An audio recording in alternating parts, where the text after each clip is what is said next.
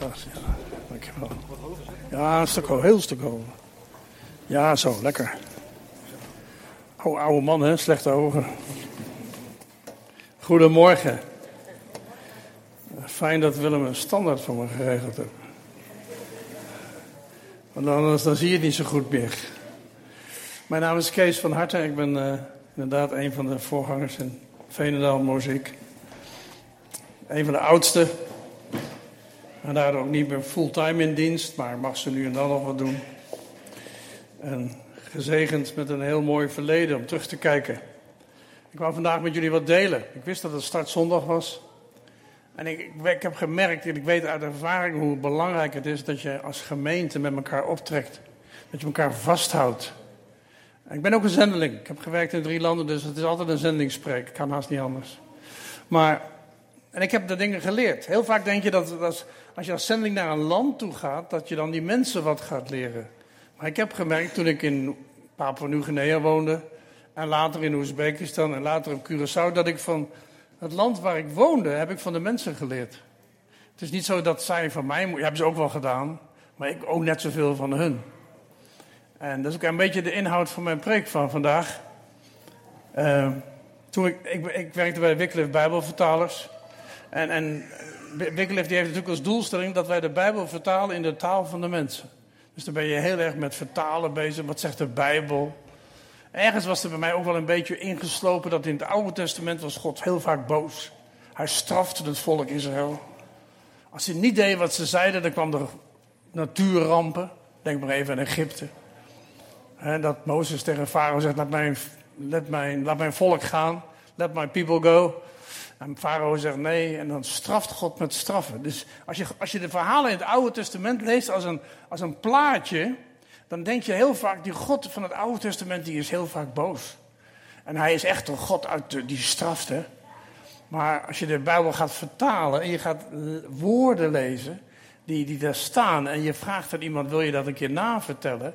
En je bent ermee bezig, dan leer je eigenlijk dat in het Oude Testament, voordat er Jezus naar de aarde was gekomen, net wat Willem zei, dat, dat, dat, dat God zelf naar de aarde kwam. Tot aan die tijd denken we van, ja maar wij kenden hem amper. Tot ik die tekst ging lezen in Jeremia 3 vers 19. En daar staat dit. Ik had wel gezegd, hoe zal ik u onder de zonen rekenen? En u een uitgezocht land geven. De allersierlijkste erven der volken. En ik had gedacht dat gij mij zoudt noemen mijn vader en dat u zich niet van mij zou afkeren.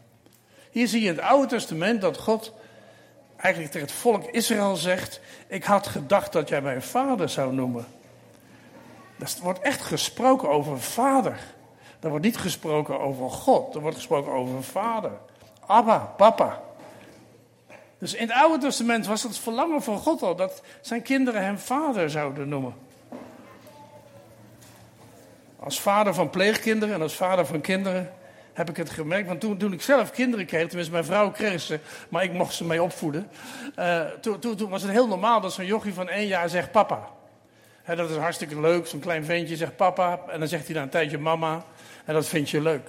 Maar een pleegkind, wat met twaalf jaar bij jou in huis komt wonen, die is niet gewend om papa te zeggen. Ik heb heel lang Tio geheten in het uh, Antilliaans. Tio, dat betekent oom. In, in, in Nieuw-Guinea heette ik, uh, uh, hoe heet dat? Iets van, dat, dat een beetje als, meer als meester. Helemaal een zwaar woord. Des te mooier was het toen jaren later een van mijn pleegkinderen zei: Mag ik u papa noemen? En dat is eigenlijk hetzelfde wat hier staat. Weet je dat ik emotioneel werd? Dat was in Venendaal, een van mijn Antilliaanse pleegzonen. Die was een jaar of 17, 18. En die heeft mij altijd Tio genoemd. 18 jaar lang. En één keer kwam hij thuis van school in Venendaal. En hij zei, mag, mag ik u papa noemen? En ik dacht, huh? Wat heb ik nou weer verkeerd gedaan? Weet je wel. Hij wil vast meer zakgeld. Dat was mijn eerste reactie. Maar dat was het niet. Hij wou, hij wou aangeven, wij hebben een relatie. Ik, ik heb een vader nodig. En mag ik u mijn vader noemen? Tweede vind ik een heel mooi verhaal. Is dat een Deuteronomium. Dus nog veel meer terug in het Oude Testament. Daar staat, weet u ervaren dat de Heer uw God u gedragen heeft, zoals een vader zijn kind draagt de hele weg. Tot aan de aankomst hier. Dat de Heer uw God u gedragen heeft. En dan moet ik iets bekennen. Ik, ik ben zo'n vader die altijd dacht, als de kinderen klein waren, ga naar je moeder. Dat, dat, dat is ergens erin geslopen, dat is een fout in mijn opvoeding geweest, denk ik. ik. Ik dacht dat kinderen en moeders horen bij elkaar. En vaders die werken, die brengen geld binnen. Ik zie een paar vrouwen kijken naar hun man. Er zijn er dus meer hier onder ons. Goed zo.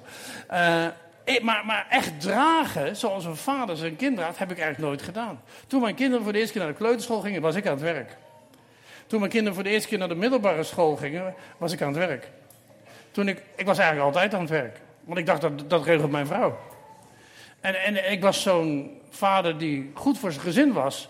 Maar kinderen dragen, dat heb ik nooit gedaan. Tot ik in Papua Nieuw kwam. En we waren jarig, 25 november. Wij zijn op één dag jarig, dat is heel handig. Mijn vrouw en ik hebben op één dag verjaardag. Dus we hadden een varken gekocht. Weet je, zo'n beetje met zo'n staartje met twee van die oortjes. levend, een levend varken. Want je kan daar niks bij, de, er is daar geen Jumbo en Albert Heijn. Er is daar wat leeft in, in wat, je, wat je kan kopen. En dat sla je dan dood of dat maak je dood met een bijl. En dan slacht je zo'n beest en dan eet je dat met het hele dorp. Je viert nooit verjaardag met z'n vieren. Dat doe je niet. Je viert verjaardag met drie, vierhonderd. Maar dat is normaal. Het hele dorp eet mee. En het hele dorp brengt ook zijn taarten. Nou, passend als vandaag. De hele dorp brengt taarten, brengt uh, pitpit en zoete aardappelen en broccoli. En het gaat allemaal in een hele grote kuil, waar onderin hele hete stenen liggen. En daar gaat het varken op, in stukjes gesneden. En daar gaat dan de groente op. En daar gaat dan niet de taart op, want dat is niet lekker. Maar daar gaat alles op en dan gaat er weer bananenbladeren overheen.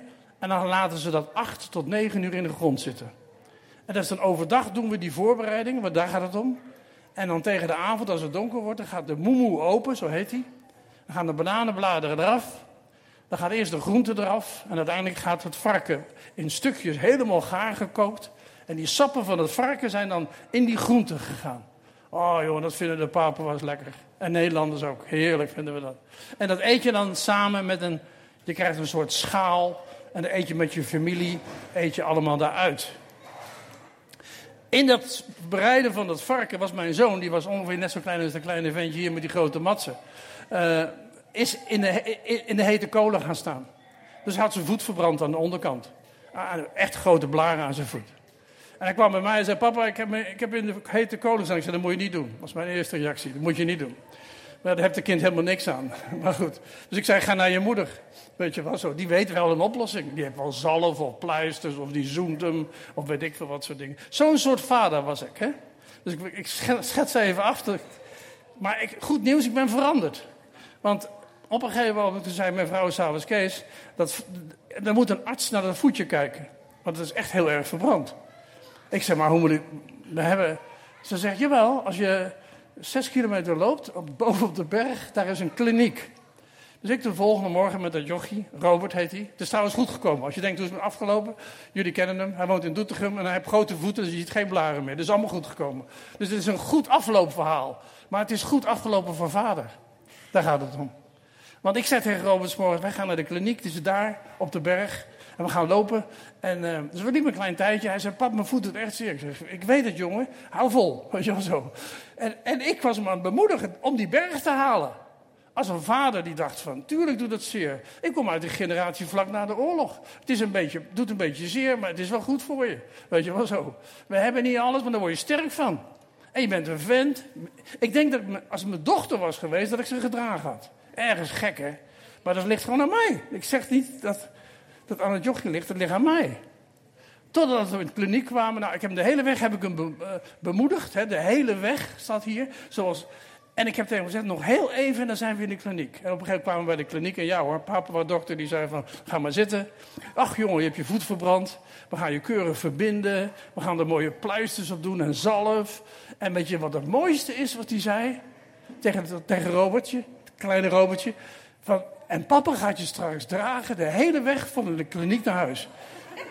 En ik dacht, waar heeft die gast het over? Weet je wel zo. Was ik helemaal niet van plan. Ik was van plan te zeggen, nou, dat loopt lekker, hè, met één voet in verband en, en één voet niet, weet je wel.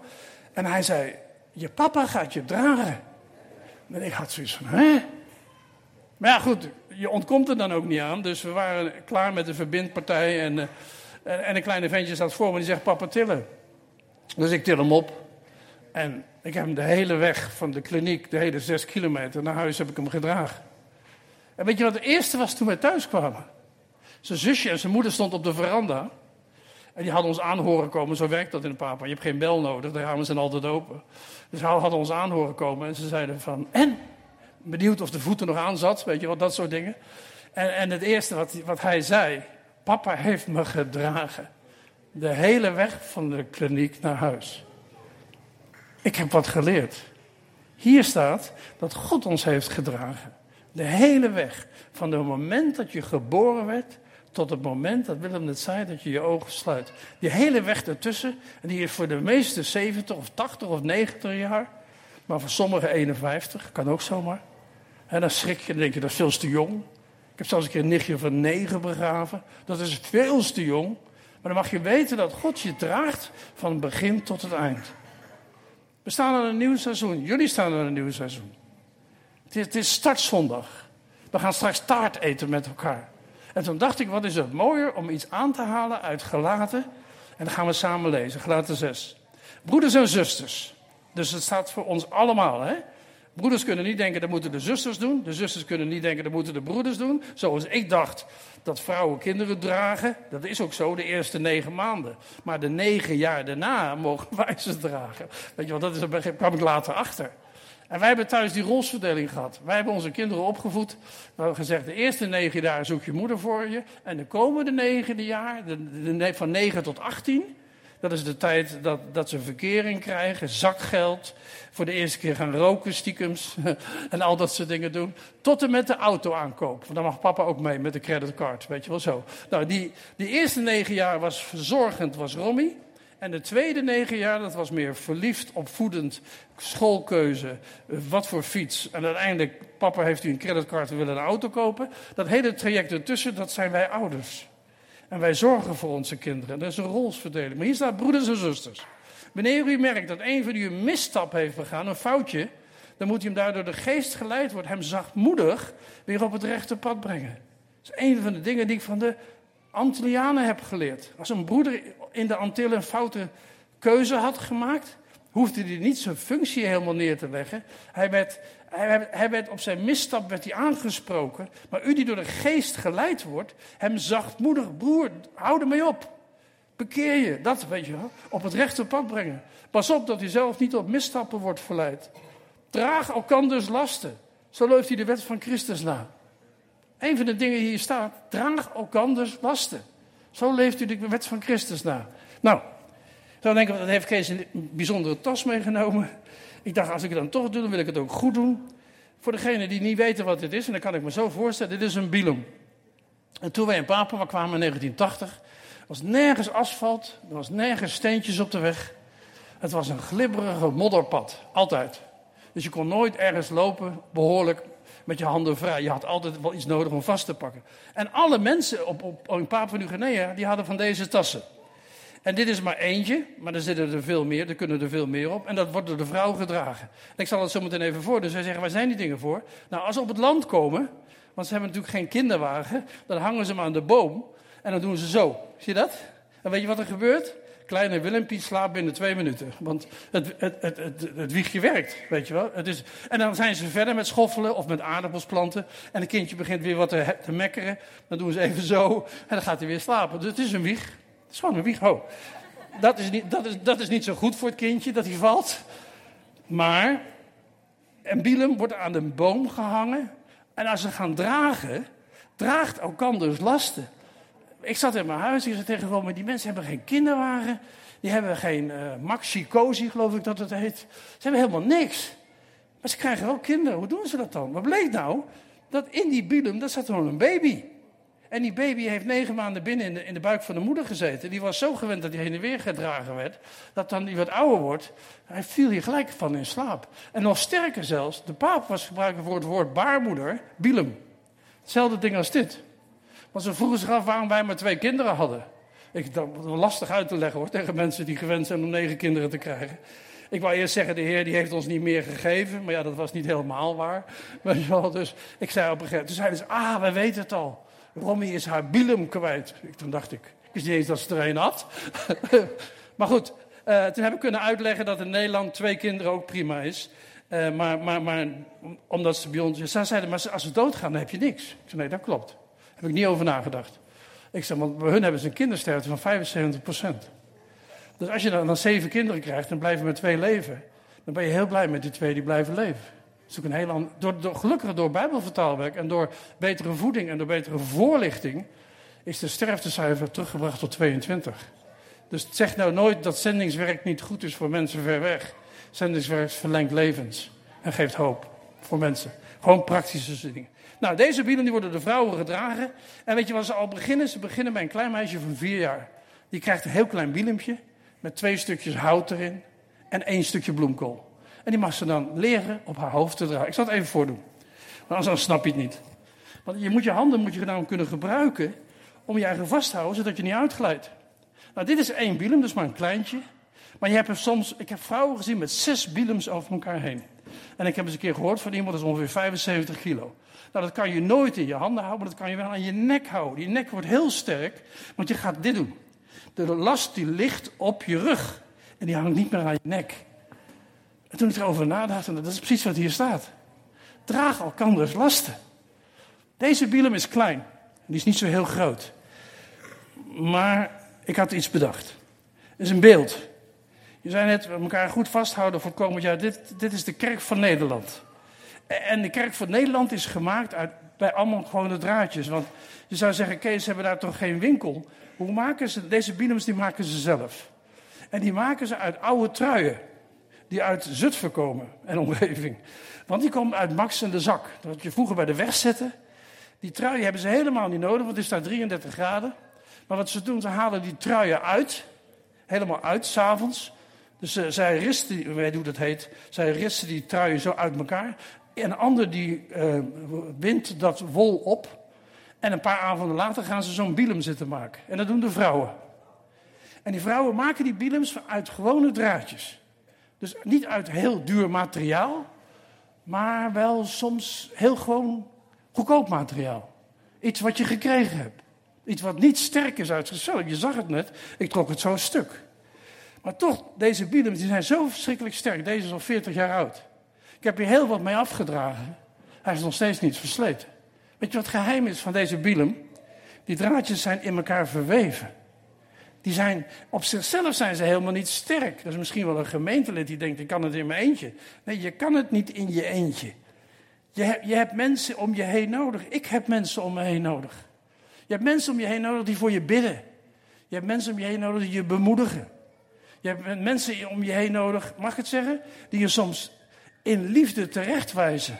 En zeggen, Kees, wat ben je nou toch aan doen? Ik heb ze gehad in mijn leven. Ik ben blij met de mannen en vrouwen die mij gecorrigeerd hebben. En die zeggen, gast, wat doe je nou? Dat je wat kan leren van elkaar. Maar deze bielem is gemaakt van allemaal hele gewone draadjes. En, en die hele gewone draadjes zijn helemaal niet sterk. Maar ze, ze zijn functioneel, ze kunnen heel goed werken. Ik vind dit de kerk van Christus in Nederland. En als je daarin kijkt, dan kom je een kleinere bielem tegen, met een andere kleur. Willem zei net, we hebben meer kleur nodig als kerk. Ik geloof daarin. Ik geloof daarin. Ik geloof dat in Papua Nieuw-Guinea, toen ik deze bielem bij me had, zei iedereen, oh, jij komt de Ayura. Dat was de vallei waar wij woonden. Tussen de bergen, tussen de Gatsups en de Terora's. Konden ze aan mijn bielem zien waar ik woonde. Ik hoef niet te zeggen waar ik was. Zij zeiden, oh, jij komt uit de Hooglanden. Want dit is een bielem van de Hooglanden.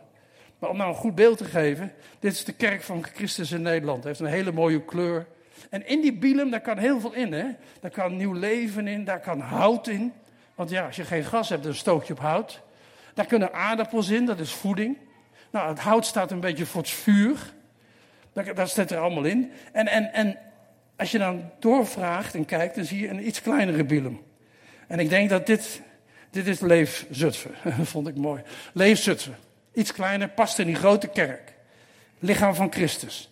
En hier zitten alle kerken in, hè? En, en, en, en, en als ik er goed doorkijk, zit deze kerk, dit is jullie kerk. Die zit daarin.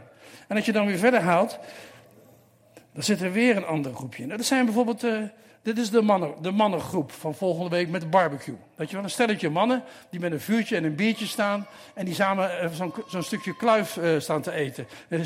sperrips, weet je wel zo. Dit is een sperrip groepje. kan ook een bijbelstudiegroepje zijn. Kunnen zelf vrouwen zijn die donderdagsmorgens bij elkaar komen om te bidden voor Zutphen. Het maakt niet uit. Het principe is dat ze elkaar vasthouden. En kan je dragen. Er kan er iets in wat, wat, wat, wat nieuw leven is. Er kunnen mensen bij komen. Dus als iemand erbij komt, dan kan je zeggen: Kom in onze bielum. Want we gaan voor je zorgen. We, gaan voor je koken. We, gaan, we hebben iets zwaar, we gaan voor je bidden. Maar we laten je niet los. Want zo gauw je loslaat, ben je de kracht van de bielum kwijt. Zelf. En dan krijg je allemaal depressieve gedachten en andere enge dingen. Moet je niet willen. In, in, in dat groepje zit nog een veel kleiner groepje. Dus misschien is een stelletje jongelui, een jeugdclub of een bijbelstudiegroepje. En zo ga ik door tot ik uiteindelijk eindig bij twee vriendinnen. Oh nee, er zit er nog eentje in. ik ben altijd de tel kwijt. Ik dacht dat dit de laatste was. Dit is niet de laatste. Dit is, dit, is misschien een gezin met een stuk of twee, drie kindertjes. Die tegen een ander zeggen: Kom maar bij ons, want we hebben genoeg ruimte in ons hart en in ons huis. Ik ben al jaren pleegvader en ik heb gezien wat een geweldige uh, goed het is om kinderen in je huis op te vangen en te zeggen: Kom maar bij ons, we hebben genoeg ruimte. En als je dan naar jaren terugkijkt, dan denk je: Wat gaaf, ik heb iets voor iemand kunnen betekenen. En, en je doet het niet voor dat ze je straks papa gaan noemen. Je doet het ervoor omdat in Gods woord staat dat we elkaar moeten dragen. En uiteindelijk kom je bij een heel klein bielempje uit. En dit bielempje is uitermate geschikt voor twee mensen die elkaar goed vasthouden. Het kan een man en een vrouw zijn. Ik ben dit jaar getrouwd met Romy. We hebben, zitten al 47 jaar in hetzelfde bielempje. En wij houden elkaar vast. Hebben we het wel eens lastig gehad? Oh ja. Hebben we wel eens momenten van droogte gehad? Oh ja. Hebben we wel eens, nou noem maar op wat je wel eens gehad hebt. Maar omdat we elkaar vastgehouden, want we hebben een verbond. 1974 hebben wij elkaar beloofd, we gaan elkaar nooit loslaten. We houden elkaar vast. We hebben toen wel een afspraak gemaakt. Romy die bakt de taarten en Kees die eet ze op. Je zo maar dat mag. Dat, dat, dat, heb ik net ook gehoord. Dat mag straks. Maar, maar, maar, maar we, hebben, we hebben wel afspraken gemaakt over dingen. Maar één ding hebben wij afgesproken. Samen met de Heer Jezus en met God zijn wij een bilum. En wij zijn zo sterk. Wij gaan vrucht dragen. Wij gaan warmte dragen. Wij gaan nieuw leven dragen. En dat zijn niet alleen kinderen fysiek, maar ook kinderen geestelijk.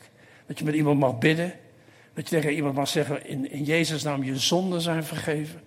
De kerk is zo'n krachtig middel. En waar je ook zit, of nou in Zutphen zit, of in Papua Nieuw-Guinea, of in Oezbekistan, of in Curaçao, of in Venendaal. Elke stad heeft zo zijn eigen bielem. En, en die bielem in Zutphen die mag steeds kleurrijker worden. Die, die mag steeds kleurrijker worden. En, en ik denk in Nederland helemaal. Want Willem zei het er straks al, het verflauwt in Nederland. Heel veel mensen laten elkaar los. Die zeggen tegen mij, ik, ik hou hem niet meer vast, want ja, hij is niet van onze cultuur. Of hij is niet van onze kleur. Of hij is niet van onze religie.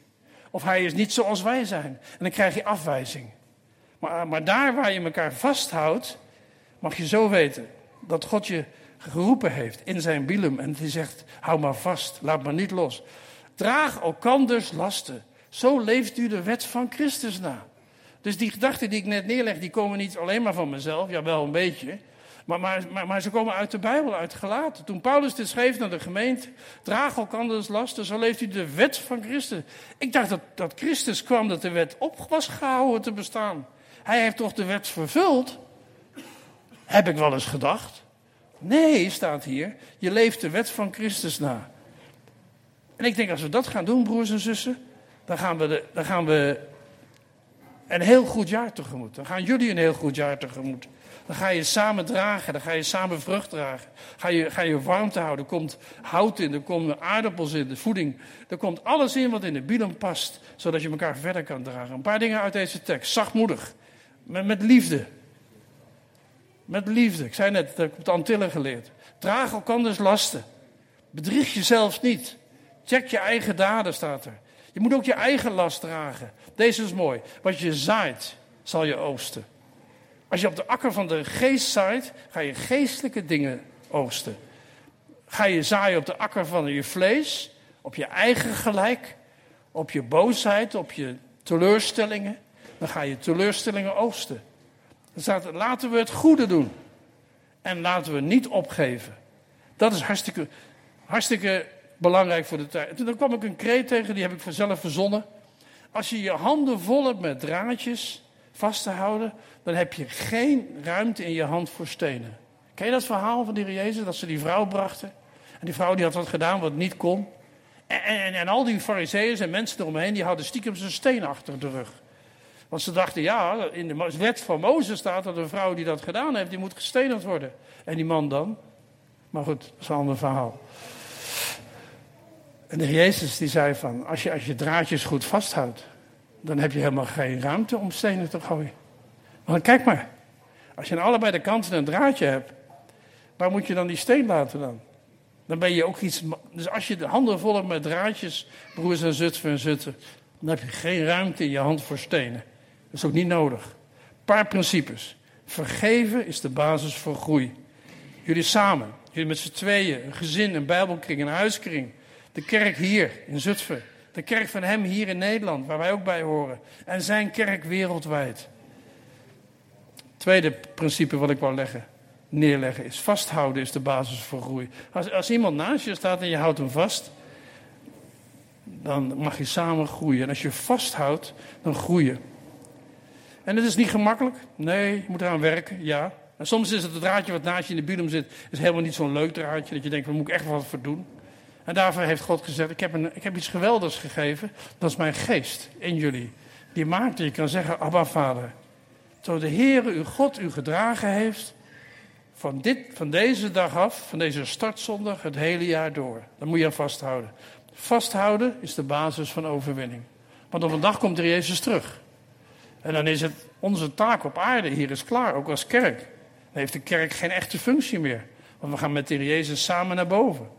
En dan kunnen we dit zeggen, we hebben vastgehouden. Kijk maar in openbaringen, prachtige tekst. Daar staat dat ze voor zijn troon zullen staan. Uit elke volk, stam en natie. Ik was 17 jaar oud, ik zat op de Bijbelschool. En ik hoorde tante Corrie ten Boom zeggen dat uit, uit openbaringen staat. Uit elke volk en stam en natie. En toen zei ze erachteraan, weet je dat in Papua Nieuw-Guinea er 800 stammen zijn. En toen zat ik in de, in, zoals jullie naar mij luisteren, luisterde ik toen naar tante Corrie. En ik zat daar en ik luisterde en het was de Heilige Geest die tegen mij zei, Kees, jij gaat daar wat aan doen. Jij kan daar wat aan doen. Toen lag nog steeds de keuze bij Kees, wil hij er wat aan doen? Dat is een ander verhaal, hè. Je kan de Heilige Geest wel horen, het stemmetje, maar je kan hem wegdrukken. Met carrière en met meer studies, en die heb ik wel gedaan hoor. Ik denk nou niet dat ik dat niet gedaan heb, maar ik, ik, ik, ik heb eigenlijk wel na een tijdje geluisterd naar die stem van binnen. Ik moet eerlijk vertellen dat ik kwam bij Romy vandaan. Want we waren een opwekking geweest. Ik had Floyd McClung gehoord, de directeur van Jeugd met Opdracht. En hij sprak over die openbaringentekst. Toen dacht ik, die heb ik tien jaar geleden ook gehoord. En ik heb er tien jaar over nagedacht en ik dacht, wat een mooie tekst. Uit elke stam, volk natie. Voor de troon van God. Kees, jij kan daar wat aan doen. Maar ik had zoveel moeite om die bielen in Nederland los te laten. Ik dacht, als ik de bielen loslaat, dan, dan, dan, dan ben ik mijn vrienden kwijt en mijn familie kwijt. En dan, ben, zit ik in een ver land waar ik misschien de taal niet van ken. En dat klopt allemaal. En toen had ik ook nog gehoord van krokodillen, slangen en muskieten. En toen dacht ik, dat is allemaal niet, zijn niet mijn favoriete huisdieren, weet je wel. Dus dat gaan we niet doen.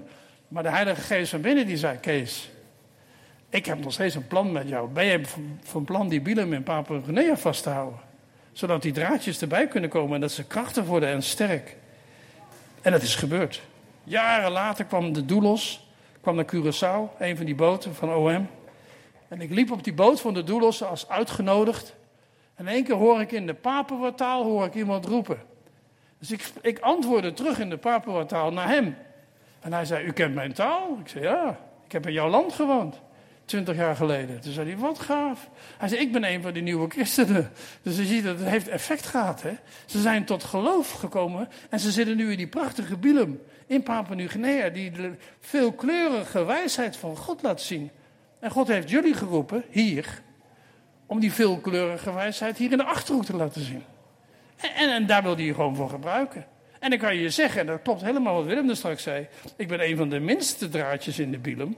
Dat is precies goed, want dat is juist degene die we het hardste nodig hebben. De minste draadjes zijn het hardste nodig. Als je zegt, Kees, deze bielum die is vast heel sterk, kom straks maar kijken. Hij is aan elkaar geknoopt door een stelletje dames in de avonduren. Zonder TL-verlichting.